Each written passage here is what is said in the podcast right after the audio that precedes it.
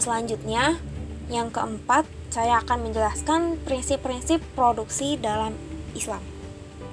Jadi tujuan dari ekonomi Islam itu ialah untuk mencapai falah atau kebahagiaan dunia dan akhirat atau juga kesejahteraan dunia dan akhirat.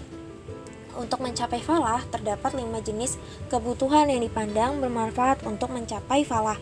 Yang pertama itu kehidupan, yang kedua harta, yang ketiga kebenaran, yang keempat ilmu pengetahuan, dan yang kelima kelangsungan keturunan. Selain itu, Islam juga mengajarkan adanya skala prioritas, uh, yaitu daruriyat, hajiyat, dan tahsiniyat atau yang biasa kita dengar itu dengan sebutan primer, sekunder, dan tersier dalam pemenuhan kebutuhan konsumsi serta melarang sikap berlebihan. Larangan ini juga berlaku bagi segala mata rantai dalam produksinya. Selanjutnya, kegiatan produksi harus memperhatikan aspek sosial kemasyarakatan. Kegiatan produksi harus menjaga nilai-nilai keseimbangan dan harmoni dengan lingkungan sosial dan lingkungan hidup dalam masyarakat dalam skala lebih luas. Selain itu, masyarakat juga berhak menikmati hasil produksi secara memadai dan berkualitas.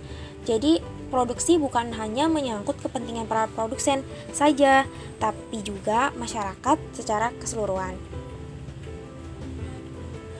Selanjutnya, permasalahan ekonomi muncul bukan saja karena kelangkaan, tetapi juga lebih kompleks.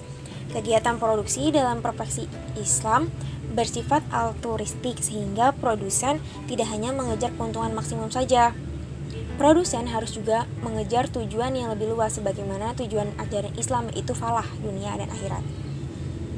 Kegiatan produksi juga harus berpedoman kepada nilai-nilai keadilan dan kebajikan bagi masyarakat. Jadi intinya prinsip pokok produsen yang islami itu yang pertama memiliki komitmen yang penuh terhadap keadilan. Yang kedua, memiliki dorongan untuk melayani masyarakat sehingga segala keputusan perusahaan harus mempertimbangkan hal ini. Yang ketiga, optimasi keuntungan yang diperkenankan dengan batasan kedua prinsip di atas.